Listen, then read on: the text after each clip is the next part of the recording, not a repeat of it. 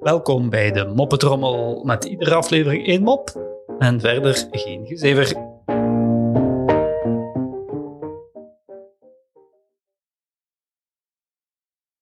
Een blinde man gaat per ongeluk een vrouwbar binnen. Nadat hij een paar pinten heeft gedronken, roept hij de persoon aan de bar. hey, wil jij een blondjesmop horen? De hele bar hoort in één klap muisstil. Je kan een speld horen vallen. Je doof bent, uiteraard. Dan niet. Met een uh, diep, zware, dreigende stem zegt de vrouw naast hem aan het oog. Voor je mop vertelt, meneer, moet je vijf dingen weten. 1. De persoon achter de tap is een blonde vrouw.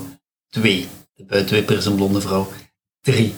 1,90 meter groot, weegt 100 kilo en heeft een diep zwarte gordel in judo. 4. De vrouw die naast me zit is een blonde vrouw en is een professionele gewichthefster. En 5. De vrouw aan je andere zijde is een blonde vrouw en ze is een kruisboogschutter. Wel, ik raad je aan om er eens nog goed over na te denken, meneer. Wil je die mop nog altijd vertellen?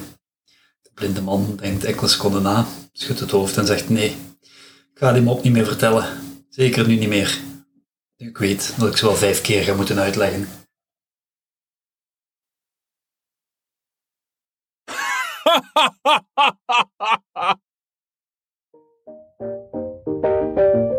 Zo, dat was de moppetrommel voor vandaag.